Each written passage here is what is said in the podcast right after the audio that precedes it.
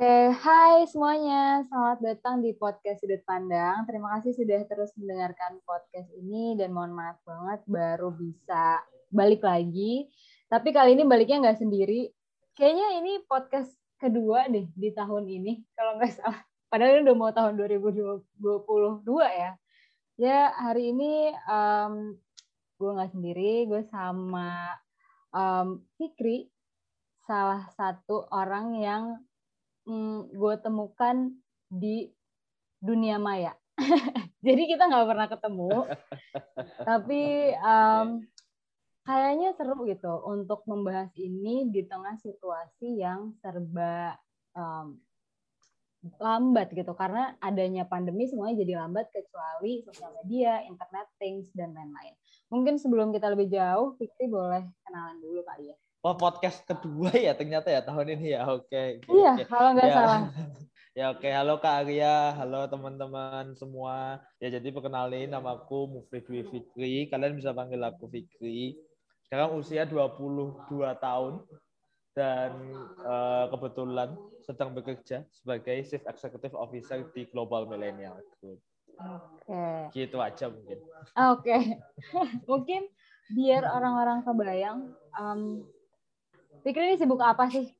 Kalau kalau sekarang sih sibuknya masih ngurusin startup ya. Jadi kalau yang belum tahu eh, Global Millennial Group atau GMG, kita tuh emang eh, international startup. Fokus kita memperkuat edukasi, especially eh, self development platform. Jadi kita punya banyak program gitu di bawah GMG. Ada MUN, ada speech competition, submit, public speaking, school gitu-gitu ada macam-macam.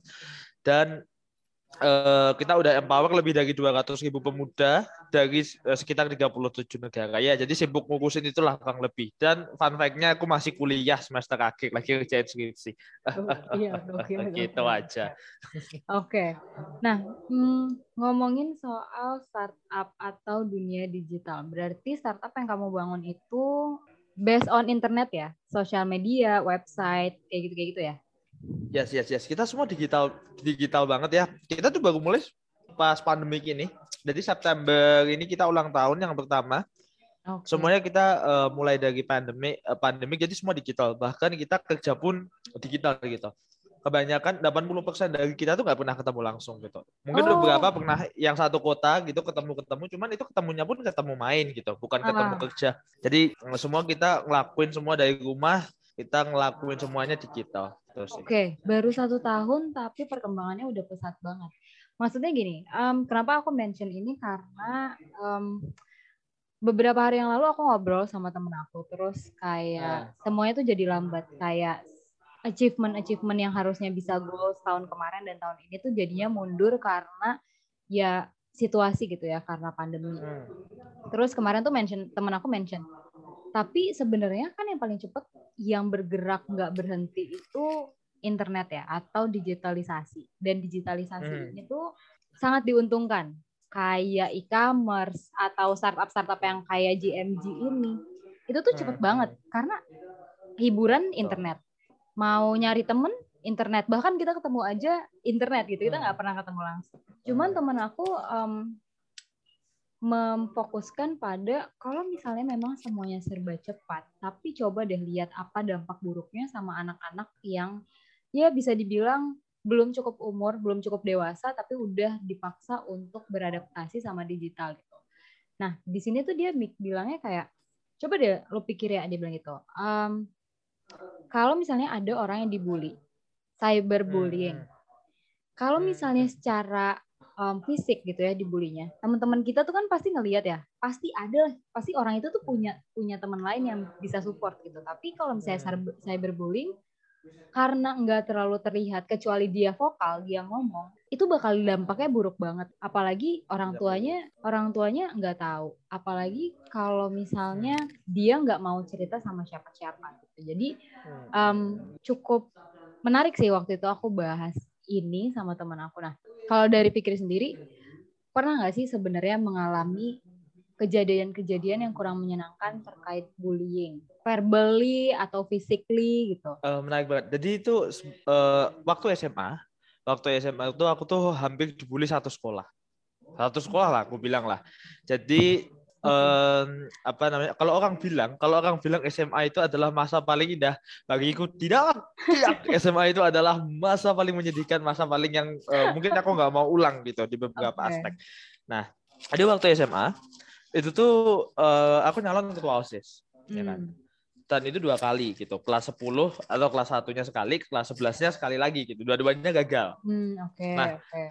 Okay. terus habis itu in that time uh, aku tuh tipe orangnya emang vokal. Hmm. Jadi emang kalau kalau menurut aku salah, ya udah aku bilang salah itu nggak benar gitu gitu kan. Jadi jadi misalnya nih kakak kakak kelasku eh, kita osis gitu kan ya. Kakak kelasku datang gitu kan acara gitu telat gitu kan ya. Ya bagi aku mereka salah ya udah kok telat sih kok emang sih gitu kan. Jadi jadi aku tuh aku tipe yang vokal kayak gitu. Hmm. Nah ternyata uh, itu tuh hal yang nggak aku tahu. Jadi aku kan by the way ibuku kan Kalimantan nih didikannya. Jadi aku hmm. didikan Kalimantan tuh begitu gitu. Dan oh. aku tinggal di Solo. Aku tinggal di Solo by the way. Okay. Jadi culture-nya nggak masuk, nggak cocok. Benar, benar. Gitu. Eh, wait, wait. Nah, Tapi berarti kamu okay. pindah dari Kalimantan pindah ke Solo atau enggak? Nah, sebenarnya aku tuh dari dari kecil di Solo. Oh, okay, cuman okay. cuman anehnya mungkin pada waktu itu SMA ya.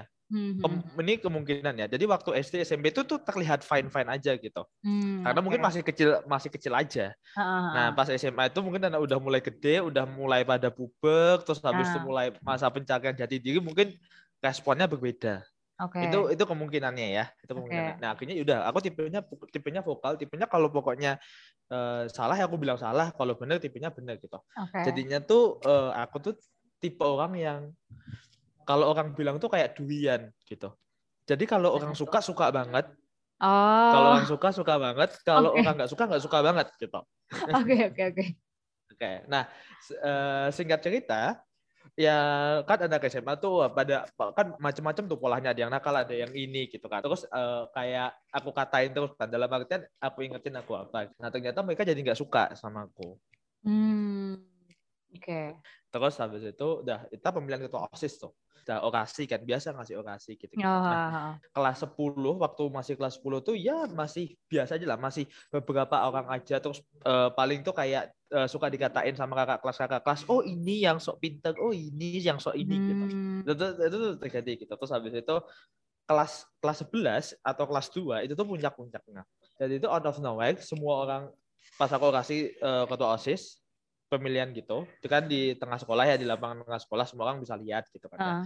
Sem semua orang tuh nyorakin uh turun turun turun gitu uh. itu hampir satu sekolah bahkan sampai ada yang kertas gitu kan kertas disobek dari buku terus dilempar-lemparin ke aku kayak gitu. Jadi, jadi uh, banyak yang nggak suka sama aku. Dan itu tuh nggak berhenti di situ doang. Jadi uh, habis itu waktu aku masih jalanin osis juga, misalnya aku lewat lorong gitu kan ya, ah. itu terus dijegal-jegalin, terus kayak kalau hmm. bahasa Jawa itu mereka ngapa aku yang delok-delok gitu, ngap, ah. kalau bahasa Indonesia ngapain kamu lihat-lihat gitu, iya, iya, ya, ngapain lu lihat-lihat gitu, gitu gitulah. Pokoknya whatever I did, apa pun yang aku lakuin itu salah aja. Hmm. Terus uh, pas tahunku itu tuh prestasinya OSIS tuh lumayan naik gitu kan. Uh-uh. Jadi kayak misalnya uh, kita setelah uh, vakum sekian tahun pentas seni pada pada uh, pada zaman itu orang SMA itu kayak mengeluh-ngeluhkan pentas seni. Gitu. Iya benar-benar. Waktu ya, aku juga betul. gitu kak. Nah, Konser ya. lah nah, apa. Uh, sekolahku dulu tuh pernah ngundang Viera. Ini kalau hmm. yang orang Solo pasti tahu sih. Okay, aku tidak tahu okay. undang undang Viera, tapi habis itu kita tuh vakum lama gitu karena intinya setelah pentas seni itu uh, banyak yang nggak diinginin sekolah lah kejadian. Akhirnya oh, kita vakum okay. lama itu sekitar 8 tahunan, 5 tahun, 8 tahunan aku lupa. Pokoknya agak lama. Terus akhirnya setelah sekian lama kita bisa ngadain lagi gitu. Walaupun itu mulai dari kecil-kecilan. Mulai dari hmm. kita oh ngundang uh, band-band alumni doang, habis itu kita ngundang band indie, terus baru tahun berikutnya pas aku udah lulus baru bisa ngundang Kaisa. Tapi hmm. milestone-nya itu pas zaman itu. Terus pas zaman itu tuh kita uh, dapat penghargaan dari BNN, dari Tikora gitu, macam-macam lah. Oke, okay, oke. Okay. Kita prestasi prestasinya cukup banyak. Nah, okay. Eh, karena emang kerja keras kan OSIS Inter dan teman-teman. Nah, terus habis itu cuman apa pun bagi mereka tuh kalau salah itu tuh disalahin ke aku gitu. Sebentar. biasa. Sebentar. Aku pengen nanya. Okay. Ini sudah terjadi Boleh. dari kelas 10 berarti ya? Jadi dari kelas 10 betul. Nah. Tapi puncak-puncaknya kelas 11, kelas 12 okay. itu kerasa banget. Nah, tapi kelas 10 kan kamu udah daftar nih ketua OSIS dan kamu tahu yes. lingkungan kamu seperti itu respons uh. mereka seperti itu.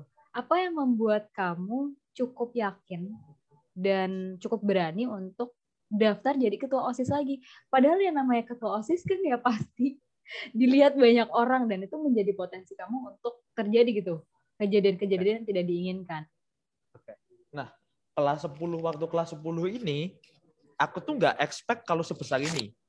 Oh, Oke. Okay. Nggak expect aja. Maksudnya tuh ya ya udah kayak biasa gitu. Dan aku tuh biasa ngadepinnya karena kayak yang aku bilang tadi kan, kayak orang tuh kalau suka banget sama aku ya suka banget, kalau enggak enggak banget gitu. Ah. Jadi itu ah. banyak juga yang ngelindungin aku gitu. Okay. Kayak ketua OSIS pas zamanku, terus beberapa guru oh. gitu. Guru guru pun juga ada yang nggak suka sama aku. Jadi kayak a house a house gitu loh. Okay. Cuman nggak nyangka aja kalau sebesar itu kayak aksinya. Hmm, oke oke oke nah. oke, Oke, okay, lanjut lanjut. Aja, gitu. Berarti oke, okay. tapi pas kamu akhirnya kelas 2 terus uh. abis itu daftar ketua OSIS dan gak keterima. Hmm. hmm. Gimana reaksi? Kamu berarti tetap OSIS kan? Walaupun gak ketua OSIS. Iya, oke, okay, betul. Nah, nah gimana OSIS. reaksi orang-orang okay, yang di dalam OSIS itu sendiri gitu? Apakah mereka juga kepecah? Uh, iya, uh, enggak, iya dan tidak sih. Iya dan tidak gimana, dalam, dal, dalam artian karena orang-orang, karena aku bilang tadi ini yang suka suka banget ya sama aku. Nah kata-kata yang de, yang suka sama aku yang deket-deket banget sama aku. Dan -hmm. itu hmm. orang-orang osis lumayan dekat. Oh oke okay. oke. Okay. Uh, beberapa beberapa orang itu dekat sama aku, terutama yang kita sering kerja bareng. Hmm, Akhirnya nggak uh, ada nggak ada permasalahan berarti sih sama osis atau aku nggak ada permasalahan berarti sama orang-orang yang kayak di Paski, di KKI gitu, yang hmm. organisasi lain karena cukup dekat aja sama mereka. Oke, okay. apa ya? Nah, pernah nah, yang, berdinamika lah ya sama orang-orang itu. Ya betul. Kalau nah kalau yang di tempat-tempat lain itu tuh kebanyakan anak futsal, anak basket, nah gitu itu tuh aku nggak aku ah. sama mereka. Oke. Okay, karena okay. kita Dan beda emang, aja gitu. Tapi memang nggak pernah ada suatu momen yang mempersatukan bukan mempersatukan. Maksudnya kayak membuat kalian tuh ya, kerjasama tuh nggak ada. Betul, betul, betul. Hmm. Datam kayak gitu. Oke, oke, oke, oke. Kayak kalaupun ada, hmm. nah kalaupun ada, mungkin aku nggak tahu mungkin mindset mereka juga apa mereka tertutup aja sama aku. Jadi pada zaman waktu itu aku juga ada judgementnya ya. Iya, kayak pada zaman itu juga, yaudah kita ngerjain uh, apa namanya ekskul ekskul futsal gitu. Hmm. bukan ekskul apa kalau kelas meeting. Kelas, kelas meeting, meeting oke. Okay. kelas meeting betul. Waktu waktu kelas meeting itu ya udah kita kita juga adain lomba futsal gitu gitu kita hmm. bantuin ngurusin juga tapi ya nggak tahu mereka nggak suka aja. Nah kayak aku bilang itu mereka tuh apa pun pokoknya apa pun yang di achieve osis itu tuh yang ya udahlah dilulukan tuh yang ketua osisku atau misalnya yang teman-teman lain gitu. Nah hmm. pokoknya kalau ada salah siapa pun yang lakuin pokoknya aku yang salah gitu. Bukannya mereka tahunya kalau osis salah aku yang salah. Eh tapi kamu ingat nggak pertama kali kejadian itu atau seingat kamu pertama kali itu terjadi tuh apa? Kapan dan maksudnya apa penyebabnya gitu? Macam-macam sih, kayak uh, misal yang aku cerita tadi kayak uh, kita ada acara gitu kan ya OSIS gitu kan ya. Hmm. Terus habis itu biasalah ada ada kating-kating yang harusnya ngurusin cuma telat. Nah, itu terus aku aku oh. iniin kayak kok kok telat sih gitu. Malah pesertanya datang duluan kayak gitu. Oh, paham, paham, terus, paham, paham kelakuan-kelakuan anak SMA lah. Yang datang kan pada yang nakal-nakal yang macam-macam gitu kan ya. Aha. Yang ada tukar-tukar soal apa kayak gitu. Nah, aku tuh tipe yang agak cepu-cepu gitu loh dulu tuh. Oh, okay, Sampai okay, sekarang okay, sih sebenarnya. okay, okay. kayak sosok ada di hero gitu lah. Oke, okay, okay, masih okay, mindsetnya okay. masih kayak gitu gitu. Jadi ya ya mungkin emang bagi mereka emang uh, aku common enemy aja. Tapi oke. Okay. Aku jadi penasaran Hmm, hmm, setelah kejadian yang paling besar, mungkin nggak tahu ya. Aku dengarnya jadi yang paling besar itu adalah yang pas kamu daftar uh, ketua osis pas kelas 11, hmm. yang sampai satu sekolah itu. Nah, hmm. Nah, setelah itu ada mental breakdown kah atau mempertanyakan diri sendiri kayak kok gue diginiin ya, gue salah apa sih? Atau kayak benar-benar menyalahkan diri sendiri atau gini gue nggak usah daftar kayak gitu? Atau apa responnya waktu itu? Benar, pada waktu itu tuh uh, aku pengen pindah sekolah hmm. pengen pertama pengen keluar dulu dari osis kayak aduh udahlah hmm. kayaknya nggak nggak kuat di sini berat banget hmm. nah kan uh, sempat uh, pengen udah kayaknya harus pindah sekolah gitu hmm. uh, gue tuh cerita sama teman-teman deket gue kan terus habis itu mereka tuh bilang ini apa Fik uh, kalau lu keluar kalau lu nyerah lu yang kalah lu harus buktiin hmm. kalau lu tuh bisa menang sama mereka Hmm, itu tuh okay. terus kata-kata uh, itu tuh yang yang gue pegang sampai sekarang. Kalau hmm. kalau ada yang ngebully gue, kalau ada yang uh, berusaha ngejatuhin atau apa pun itu, gue bakal buktiin kalau mereka salah. kalau gue bakal Hmm. menang lawan mereka itu itu aja sih Hmm, yang pengen gue oke. buktiin gitu dan itu tuh gue pegang sampai sekarang Tapi bilang nggak ke orang tua? gue itu Bilang nggak ke orang tua? enggak itu? tidak tidak Oh, oke, oke, oke, oke. Oke, Nah, oke. karena in that, karena in that time bahkan kisah itu nggak banyak yang tahu juga aku tuh kalau keluar sekolah aku nggak pernah cerita itu karena bagi aku in that time Hmm. tuh emang menyakitkan banget Iya, iya, iya, iya. Pasti, pasti, pasti, pasti, pasti. Dan gak semua orang tuh seresilient itu sih. Maksudnya kayak ada beberapa teman aku yang aku tahu mengalami hal yang serupa, gak serupa. At least dibully gitu ya waktu masa SMA. Ya. Sampai sekarang tuh punya ketakutan tersendiri terkait hubungan sosial gitu. Kayak mau deket Hmm. sama orang tuh jadi bingung, kayak harus gimana, Hmm, atau hmm. nggak berani mulai dan lain-lain. Hmm, Hmm, kalau menurut Fikri nih, orang yang menurut aku cukup ekstrim mengalaminya ya, sampai hmm, hmm. banyak orang gitu yang terlibat. Gimana caranya bisa bertahan?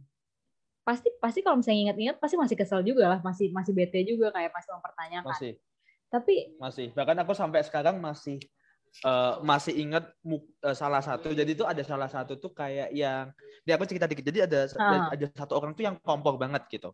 Hmm, oke. yang kompor banget yang aku tuh masih bang inget banget namanya. Aku masih banget inget wajahnya. Ah, kadang-kadang masih aku liatin juga stalking Instagramnya dikit-dikit walaupun Hmm. nggak terlalu ngikutin juga. Hmm, kayak mimpi itu ketemu dia kayak eh, aku mau eh, kita belum ada pernah ketemu, ketemu kesempatan langsung ya. Tapi aku pe- pengen ketemu dia pengen ngeliatin aku yang sekarang gitu. Ya jahat sih ini sih cuman ngerti ngerti. Ya, Tapi nggak ada yang tersakiti sih. Aku setuju aja kayak ya udah gitu.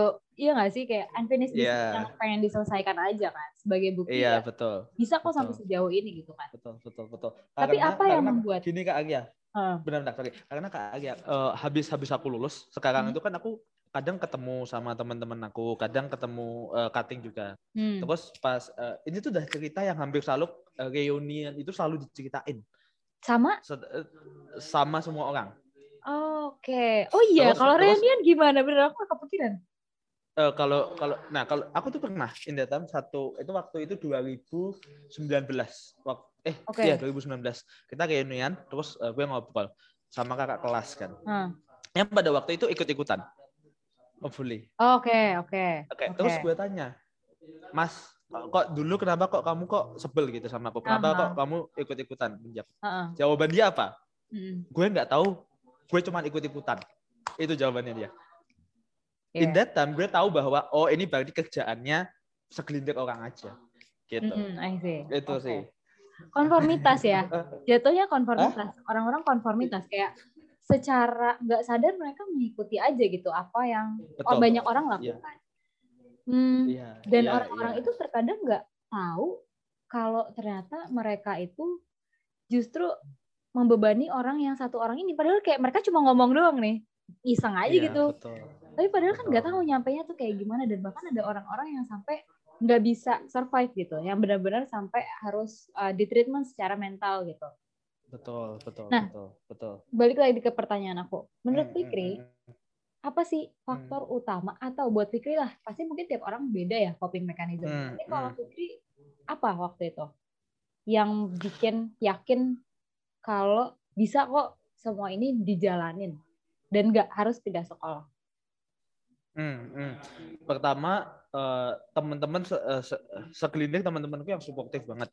Hmm, Kayak oke. emang mereka yang selalu dukung. Terus Hmm. habis itu ngelindungin aku. Jadi waktu pas ngebully itu tuh eh, kan pada kayak di atas gitu. Kayak jadi kan sekolahku lantai dua. Terus mereka kayak yang naik ngeliatin dari ininya Oke. gitu kan apa Ah, namanya? balkon Itunya. balkon Terus ya balkonnya. Terus Hmm. habis itu kayak mereka yang yang kayak eh, ngelindungin aku gitu dari dari tengah Hmm. gitu gitu lah. Terus jadi eh, ada ada ada orang-orang teman-teman aku nih yang eh, jagain aku ngelindungin aku. Pertama itu. Hmm, oke. Kedua nggak tahu nggak tahu kenapa in that time tuh pikiranku adalah eh, aku pengen balas mereka dengan sesuatu gitu. Jadi Hmm, jadi eh, gue tahu kalau gue kelahi sama mereka pasti kalah karena oke mereka lebih banyak, Banyak, jumlahnya, mereka iya, lebih gede-gede. Terus dan menurutku ya kayak norak aja gitu. Masa Hmm, iya, iya. eh, itu aku balasan gitu kan. Akhirnya kan Ngerti, kayak ngerti. never ending story gitu kan. Terus that time, aku, aku cuma pengen buktiin bahwa kayak gue ini orang gede loh, gue tuh bisa sesuatu loh. Gitu. Hmm, Kayak itu oke. doang. Makanya gue gue bertahan gitu, gue bertahan. Terus itu juga motivasinya pas kuliah tapi pas kuliah itu bener bener-bener aku kayak gaspol ikut macam-macam conference segala macam Hmm, terus habis itu sampai saya bikin startup motivasinya cuma cuma satu Tapi aku mau nanya Cuman- deh. cuman Ngerti pengen buktiin ke mereka aja Oke, ngerti. Gitu. Em, Mm-mm. berarti itu menjadi salah satu motivasi yang kuat banget ya, bahkan bisa berlaku Ya. lagi sampai sekarang gitu kan. Maksudnya ketika nginget-nginget itu lagi tuh jadi kayak pengen self proving aja gitu kalau misalnya gue worth it kok gitu kan ya. Nah, Mm-mm. Hmm, tapi apakah pada akhirnya nggak tahu? Soalnya aku mikir gini, Hmm. eh, apakah itu bisa memuaskan dirimu sendiri dengan menggunakan motivasi itu untuk em, melakukan apa yang kamu lakukan gitu? Atau jangan-jangan pernah nggak kamu ada di posisi kayak gue capek proving sama orang, Mm. gue tahu kok gue worth it tanpa gue harus proving. Pernah Hmm, nggak ngerasain hmm. itu? Yes, itu eh, motivasi itu sebenarnya sampai Juli 2019. Jadi Hmm. turning turning pointnya eh, in that time. By the way, gue itu di kuliah tuh kena gitu lagi, tapi sama dosen. Jadi itu Hmm, dosen oke, itu oke. pas itu eh, gue itu baru aja menang lomba, lomba debat nasional. Terus eh, dia tuh bilang kayak gini gue, udah gak usah kayak muflih gitu. Panggilan gue di kampus muflih kalau Hmm. dosen-dosen nama depan kan. Udah nggak usah kayak muflih gitu. Sok pinter, sok tahu gitu. Percuma menang lomba Hmm. gitu gitu. Dia gitu. Oke. Tuh. Nah, turning point-nya 2019. Eh, gue jadi delegasi Indonesia berangkat ke Paris. Oke. Um, MUN ya? terus Bukan? MUN, yes, Oke. MUN. MUN terus habis itu menang award dan gue the one and only Indonesian delegate yang menang award. Gue juga satu-satunya orang Indonesia yang menang. Tahun Dari 16 orang yang 2019. 2019. Oke. Udah kan. Itu itu Wow. cukup itu cukup menghebohkan ya eh, lumayan lah, lumayan. Iyalah, lumayan. iya dong, pasti dong. Gila. Eh, lumayan gitu. Habis itu eh, banyak yang ngeliput lah, Kompas ngeliput, Tribun ngeliput, Hmm, semua ngeliput, oke. diundang rektor, eh, segala macam. Terus habis itu eh, dulu misalnya urusan dana aku harus bolak-balik sekarang tinggal telepon mama bilang bu butuh dana gini langsung dikasih gitu banyak lah. Habis itu banyak Hmm. Oke, privilege-nya. Itu benar-benar turning point. Dosenku yang dulu ngatain aku tiba-tiba nraktir makan gitu-gitu. Hmm, oke. Jadi jadi kayak itu tuh benar-benar turning point Hmm, nah, dan ngepasin juga itu adalah eh, waktu bulan puasa. Jadi pas gue pulang tuh lebaran. Berarti jadi belum ada- corona ya? Belum corona 2019. Belum dong 2019 masih Oh, iya, iya, masih jauh dong dari corona dong. Udah Nah, lupa, udah itu- lupa. itu gue ketemu sama teman-teman gue SMA. Oke. Teman-teman gue SMA. Yang deket Nah. apa yang gak deket? Enggak, yang yang pada ngebully, cuman mereka bukan yang core-nya banget, bukan yang Hmm, eh, yang konformitas aja ya, yang cuma Iya, iya. aja ya. Yang yang cuma ikut-ikutan aja terus mereka, wih udah jadi orang besar sekarang gitu-gitu. Hmm, Udah Oke. udah mulai kayak gitu. Oke. In that time gue udah mulai kehilangan motivasi itu kayak aduh gue kayak- kayaknya ngerasa udah cukup deh Hmm, Oke. kayaknya udah udah mulai kehilangan udah mulai kehilangan arah hidup kan itu tuh gue sempat kehilangan arah hidup sek- sekian bulan sebelum akhirnya eh, gue bangun jam dan gue menemukan eh, arah hidup baru sih gitu. Enggak Karena- gini, oke ngerti. Em, gimana prosesnya? Maksudnya hmm, itu kan proses Hmm. dari pemindahan motivasi dari motivasi eksternal jadi Hmm. motivasi internal kan? Karena Yes, kamu bikin bikin bikin GM bukan karena kamu dibully dong, pasti ada reason yang lain. bukan. Nah. bukan, bukan. Buat aku sendiri karena gini, buat aku sendiri em, mengubah motivasi yang udah cukup tertanam itu susah Hmm. banget gitu. Karena rewardnya kita belum tahu kan. Karena kalau misalnya kalau misalnya motivasi yang dulu kita udah terbiasa dengan reward yang kita akan dapat Hmm, gitu. hmm. Tapi ketika Hmm. motivasinya dicari lagi, gimana cara waktu itu kamu bisa dapet oke em, nggak usah lagi proving ke siapa pun atau kayak unfinished business-nya sudah selesai, terus let's moving Hmm. on gitu. Prosesnya Hmm. seperti apa? ini jawaban yang saya sendiri tidak tahu jujur karena Oke karena oke. itu tiba itu karena tiba-tiba aja jadi eh, kan aku kehilangan mulai kehilangan arah hidup dalam tanda kutip Hmm. ya Oke. Eh, Apa yang kamu rasakan? Eh, Oke, wait wait. Apa yang kamu rasakan saat itu? Eh, hampa aja jadi in that time prestasi itu makin banyak cuman kerasa hampa Hmm. jadi aku menang mahasiswa berprestasi aku didang UNDP ke Malaysia ke Filipina terus Hmm. harusnya kalau nggak corona tuh aku keliling Asia Tenggara lah Hmm, Asia ngerti. gitu ke ke. India ke Sri Lanka udah banyak undangan sebenarnya kan Eh, terus kenal sama orang-orang KBRI juga segala macam Tapi itu nggak Tapi- cukup ya? Maksudnya kayak nggak fulfill ya? Ya betul, kayak aduh apa, kosong aja gitu. Kalau dulu itu Hmm, rasanya itu ada sesuatu yang pengen gue kejar, tapi itu kosong aja. Oke. Nah, oke. Terus habis itu eh, kan pandemik datang, eh, gue bangun GM, G- Hmm. eh, Global Millennial Group. Awal keresahannya adalah karena pandemi datang, gue merasa bahwa platform-platform itu nggak nggak banyak yang bertransformasi dengan cepat, nggak nggak kasih kualitas. Hmm, Akhirnya oke. gue sama teman-teman bikin, gue berjalan. Hmm. Kan awalnya project iseng. Nah waktu Tapi, kita wait. ngob Tujuannya apa dari si GM Group ini? Tujuan waktu pertama Nah. bikin ya itu apa? Pertama kali banget sesimpel kita tuh nggak puas sama acara-acara online yang kita ikutin, Oh, conference, oke. submit, sesimpel itu. Oke. Terus eh, kita kita bikin udahlah pokok eh, kita bikin intinya walaupun online kita harus tetap kasih kualitas terbaik gitu. Oke. Biar biar eh, substansinya tuh dapat. Jadi gue tuh merasa gue gue tuh pinter networking terbentuk gue ketemu sama teman-teman yang oke itu ya karena dari kegiatan-kegiatan yang gue ikutin itu. Hmm, Ngerti, ngerti. Nah, terus ya udahlah kita kita bikin gitu. Hmm. Nah, ketika bikin, nah ini ini titik mula gue eh, menemukan kehidupan gue gue feel alive lagi. Jadi eh, ketika ketika udah mulai ah, awalnya iseng. Hmm. Nah, terus eh, itu bulan pertama. Bulan kedua, gue akhirnya ngobrol lah sama yang daftar-daftar di GM. Pertama kali banget kita bikin itu program GMMUN. Terus Oke. ketika orang daftar, apa yang mereka dapatkan? Misalnya kayak ketika aku daftar GM Group, apa yang bisa aku Hmm. expect? Jadi bentuknya itu kita tuh kegiatan ya. Hmm, Eh, oke. mulai mulai dari MUN, terus kita ada MUN schoolnya, ada public Hmm. speaking school, ada macam-macam, ada sekitar 15 program. Tujuannya eh, supaya jadi wadah belajar aja buat orang-orang. Oke, oke. Buat buat pemuda eh, sasarannya itu anak SMA, eh, kuliah lah sampai sekitar semester 7 8. Mm-mm. Walaupun anak SMP, S2, S3 tuh banyak eh, banyak juga yang ikut tapi angka dominasinya di sekitaran situlah. Oke, Terus oke. buat sarana networking juga, eh, terus buat tambah-tambahnya sertifikat lah. Karena kita sekarang Hmm. udah didukung sama Kemendikbud, didukung Oke, eh, oke. KPI Wow. Bangkok gitu-gitu. Cepet banget ya, dalam satu tahun gokil gila-gila. Iya, Mayan. Karena dari networking juga sih. Nah, terus habis itu kan aku ngobrol tuh sama customer aku. Mm-mm. Terus Yang pertama ternyata ikut aku- ya? Iya, yang pertama-tama ikut. Dan Hmm. ternyata tuh aku baru sadar gitu. Ada ada sesuatu gap yang hilang. Jadi dulu itu waktu aku ikut kegiatan, aku tuh selalu ke kota-kota besar, keluar negeri pun kota-kota besar gitu. Ternyata ketika aku bikin ini banyak orang-orang dari Daerah. timur Indonesia daerah, dari Hmm. Kalimantan Utara, Dari rural Sumatera, dari area NTT, ya. ya dari NTB mereka tuh bisa ikutan. Oke. Terus habis itu mereka bilang bilang terima kasih kayak "Eh, Kak Fikri thank you banget nih udah udah bikin GM Oke. buat kami. Kami kami bisa ngerasain MUN, kami bisa ngerasain ketemu mentor yang keren itu kayak gimana, Hmm. bisa ngerasain pengalaman internasional internasional kayak gimana. Bahkan kemarin waktu ke penerimaan SBMPTN, kan kita nggak ngajarin SBMPTN ya. Anehnya Iya, kita tuh iya. nggak, kita tuh bukan kita tuh bukan platform itu, tapi ngetek aku kan.